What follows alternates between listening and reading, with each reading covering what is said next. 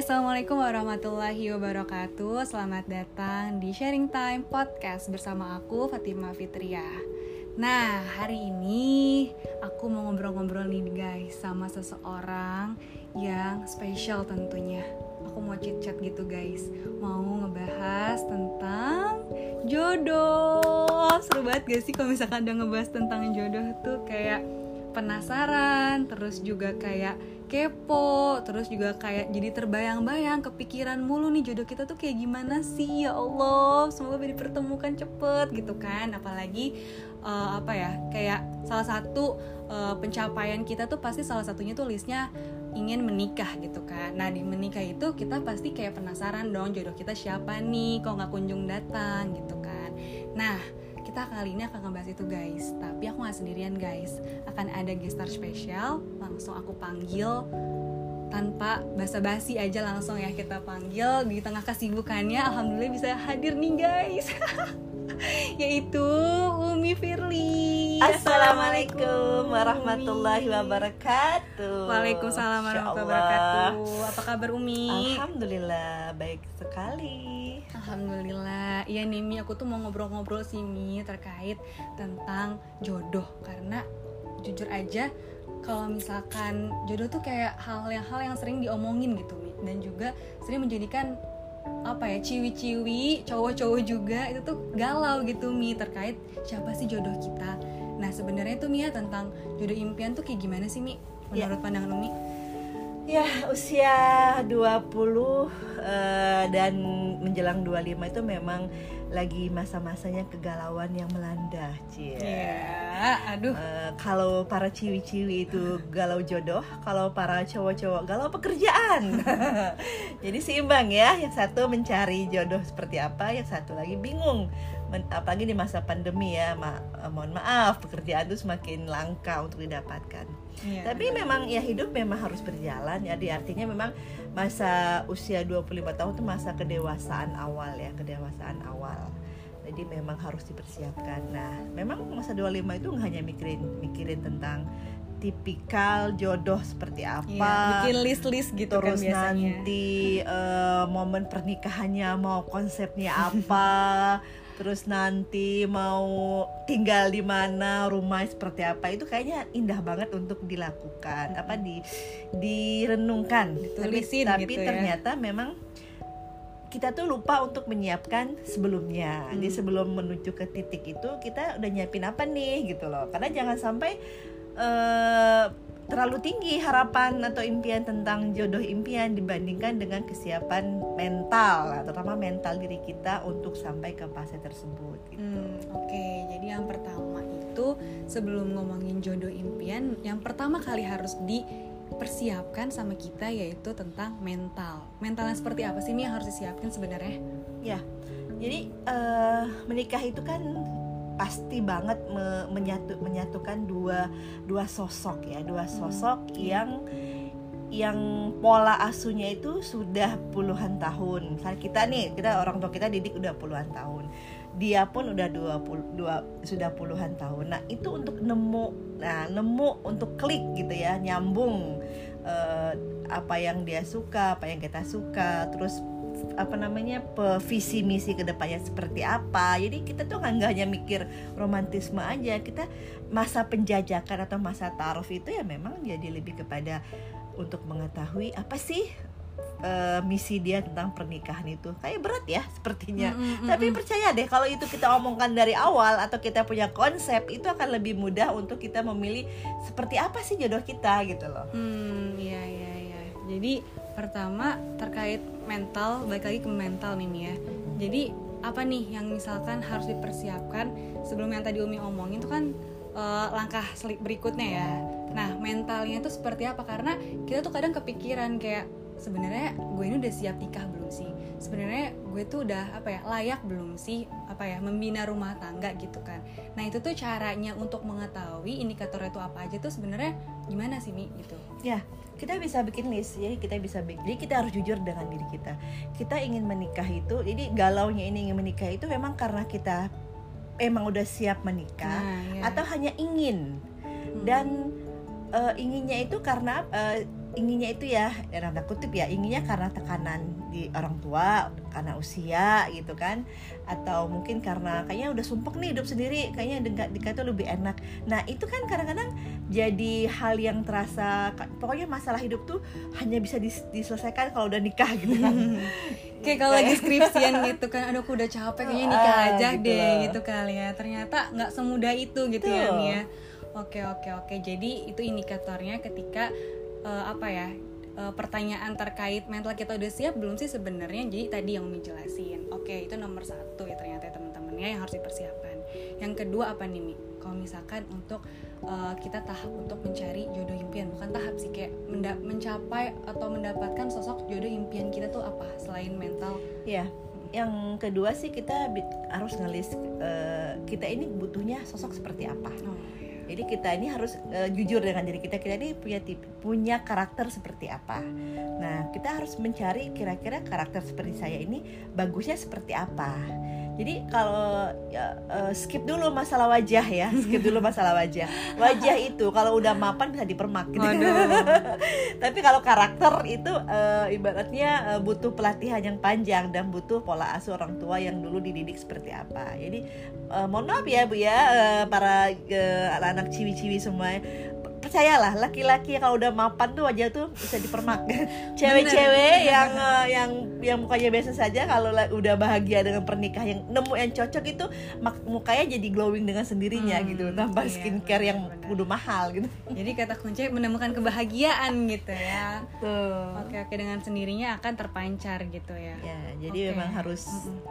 di list dulu. Jujur kita tuh pengennya karakter seperti apa gitu. Iya iya jangan sampai eh, terlalu banyak list tapi ternyata juga nggak apa ya nggak sesuai logika juga gitu ya. Mi nggak susah untuk dicapai mencari sosok yang seperti itu ternyata. Mau ganteng iya. Mau pinter iya. Mau kaya iya. Mau pekerja keras iya. Kayaknya tuh perfect banget gitu ya. Tapi ternyata kita harus berpikir kembali kayak apalagi sih sebenarnya apa sih yang sebenarnya dibutuhkan untuk kita ketika kita mau mencapai eh, tahap pernikahan gitu? Jangan sampai ternyata sosok yang kita cari itu tuh nggak sesuai pada akhirnya gitu. Ternyata kita nggak butuh sama cowok yang cuma ganteng doang misalkan gitu ya. Ternyata ada hal-hal yang lebih urgent sebenarnya lebih diutamakan dalam hal pencarian gitu ya Mia. Gitu karena eh, bener aja sih kadang kita nggak bisa sih nemuin yang apa ya Mia? Yang sesuai dengan harapan kita ya idealis kita. Tapi sebenarnya yang kita cari itu adalah bagaimana sosok yang bisa melengkapi kita gitu ya karena ujung-ujungnya pasti ada, ada aja nggak sih masalah gitu ya Mia? Kalau dalam rumah tangga mah ya Ya. Ya kita tanya aja orang yang pacaran emang nggak ada berantem ya, pasti- jangankan pasti nikah ada gitu ya. ya. Yang pacaran aja emang nggak ada berantemnya, nggak ada Iya, jealousnya, iya. nggak ada miskomnya, apalagi nikah yang udah halal gitu kan. Hmm, iya iya yang yang mana ketemunya dia lagi dia lagi gitu kan jadi harus matang-matang dipikirkan terkait list-list sebenarnya apa sih yang kita butuhkan untuk eh, membangun rumah tangga gitu oke jadi yang pertama mental yang kedua menulis sebenarnya apa yang kita butuhkan gitu kan terhadap sosok yang kita inginkan gitu nah yang ketiga apa tuh Mi?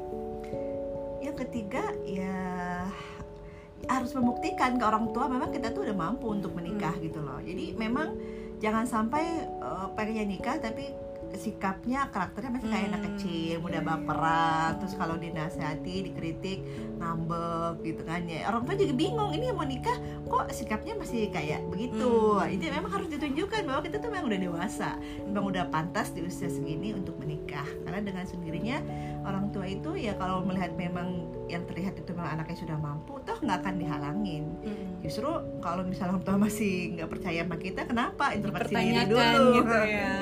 Biasanya kalau udah orang tua melihat tuh malah mensupport ya Mi ya. Iya, apalagi betul. ditambah sudah kelihatan hilalnya misalkan gitu ya tapi mi- misalkan nih Mi ya kita udah nih menyiapkan mental kita udah menulis kriteria eh, pasangan yang memang sesuai dengan eh, apa ya yang sesuai dengan yang kita butuhkan terus yang ketiga orang tua juga melihat kita oh kayaknya nih anak kita udah siap nikah nih bangun rumah tangga. Tapi mi jodohnya nggak datang datang itu gimana dong mi? Apa yang harus kita lakuin gitu kan? Nah, yang pertama ya harus yakin dulu bahwa insya Allah kita tuh semua sudah Allah jodohkan. Jadi harus yakin ini akidah juga sih ya jangan sampai kita merasa udah siap semua kok. Enggak. Nah, ya iya. itu ya itu rezeki ya jodoh itu rezeki dari Allah gitu ya. Kita nggak nggak bisa me- apa memaksakan juga yang pertama tadi memang ya kita harus minta dulu sama Allah yang kuat nah minta sama Allah tuh nggak sekedar sambil lalu Hmm, udah iya, berdoa iya. cuma sehari dua Pas hari lagi, kok iya, iya. nggak ada ya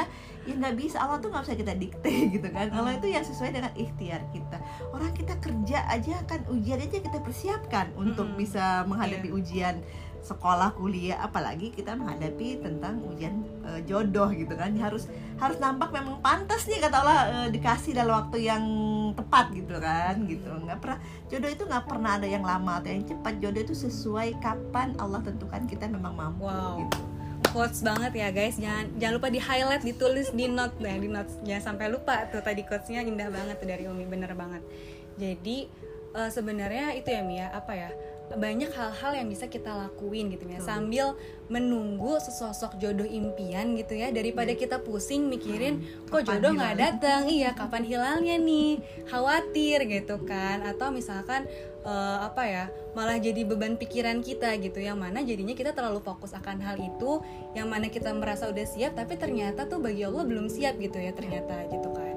Nah itu gimana sih mi sebenarnya me- apa ya mem- apa ya meminimalisir hal-hal yang tadi itu yang tadi teteh bilang tadi yang dipikirin malah makin pusing gitu kan. Sebenarnya langkah apa yang bisa kita lakukan sambil menunggu jodoh kita gitu? Satu sih kalau eh, bukan satu ya beberapa poin. Yang pertama itu Iya. adalah eh, deketin yang punyanya jodoh. Wah. Eh, siapa tuh? Allah kan? Iya benar. Deketin Allah se sedekat-dekatnya.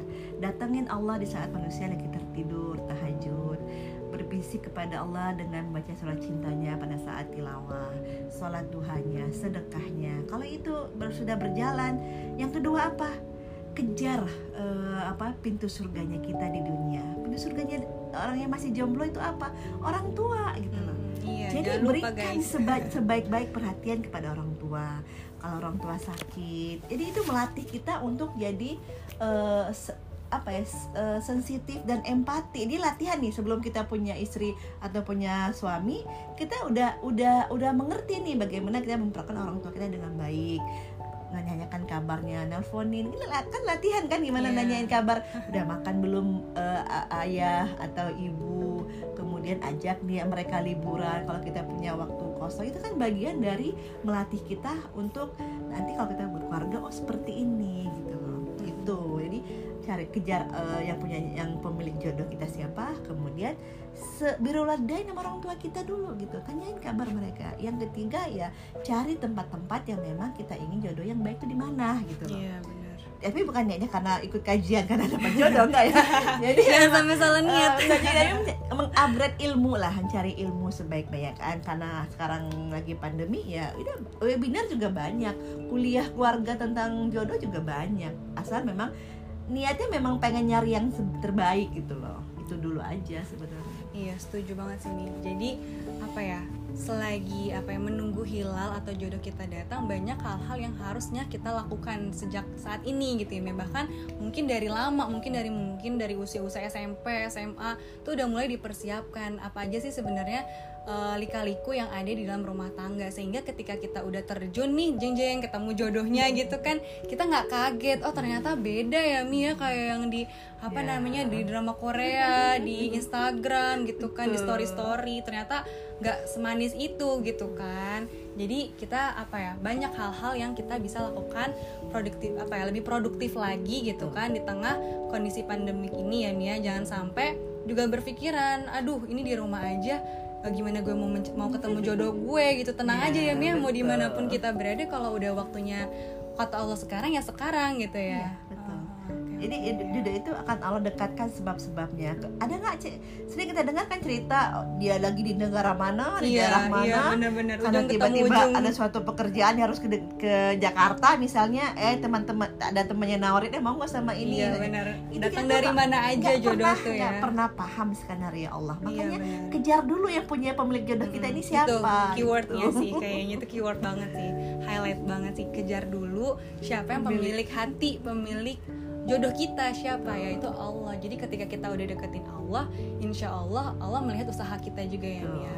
Soalnya guys yang tadi Umi bilang nih kita nggak pernah tahu jodoh kita tuh siapa dan di mana. Umi juga kayak gitu ya Mia. Iya. tiba-tiba mana bisa ketemu kepikiran gitu ya Mia. Kayak nggak kebayang aja gitu eh, suaminya di Cianjur ibunya orang Bengkulu ketemunya di Bengkulu itu kayak ujung ke ujung gitu ya beda pulau gitu. Jadi jodoh itu emang gak ketebak banget gitu kan. Sama juga kayak saya cia curca saya juga nggak pernah menyangka kayak misalkan ternyata jodoh jodoh aku pun ternyata deket kampus gitu kan. Yang tadinya tuh mikir aduh merantau jauh gitu kan. Nggak pernah kebayang jauh dari orang tua. Eh ternyata mungkin salah satu hikmahnya aku pulang eh pulang merantau merantau ke Bandung tuh mungkin ya itu ketemu jodohnya.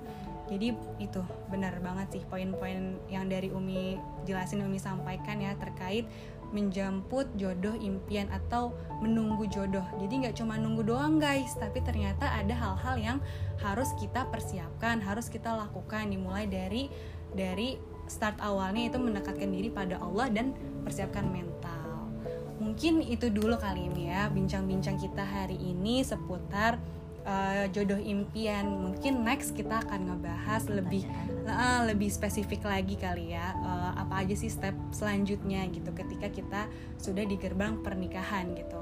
Apakah ternyata sesuai? Apakah dengan apa ya dengan sesuai dengan harapan kita? Sweet sweet terus gitu kan? Apa enggak gitu kan? Nanti kita akan ngobrol-ngobrol lagi sama Umi Oke, baik. Terima kasih Umi sudah hadir Ya, di kesempatan sama-sama. podcast pertama kita yang mana udah ngomongin jodoh. Mohon maaf ya, apa-apa, masih belepotan ya. ini. Iya, jadi kalau ada salah, ada kurang, mohon dimaafkan ya teman-teman. Mungkin nanti teman-teman mau misalkan mau sharing apa, mau bercerita tentang apa gitu bisa banget langsung aja kirim ke email aku fatimafitria96@gmail.com atau, Atau bisa komen- langsung DM ya, DM, atau komen IG. Ya. Misalkan ada yang mau uh, kasih ide tema apa gitu misalkan. Atau kita live Q&A. Ah itu teman-teman kira-kira menarik ya nih. Misalkan mau nggak nih kalau misalkan kita uh, live IG juga bikin Q&A di Instagram live IG. Kalau misalkan kalian uh, apa ya mau bisa juga langsung aja DM atau komen di Instagram kita masing-masing. Nah Instagram aku itu di @ffitria. Kalau Umi apa Mi namanya Mi? Firly Susanti. Nah, itu harus kepoin sih guys karena, banyak banget sumpah ilmu-ilmu yang aku dapat di situ dari mulai parenting dan lain-lainnya banyak banget. Oke, mungkin cukup sekian ya teman-teman di podcast pertama eh, Fitri. Semoga banyak manfaat yang bisa diambil. Kalau kurang-kurangnya mohon dimaafkan dan jangan diambil ya teman-teman ya. Oke, terima kasih. Wassalamualaikum warahmatullahi wabarakatuh. Waalaikumsalam.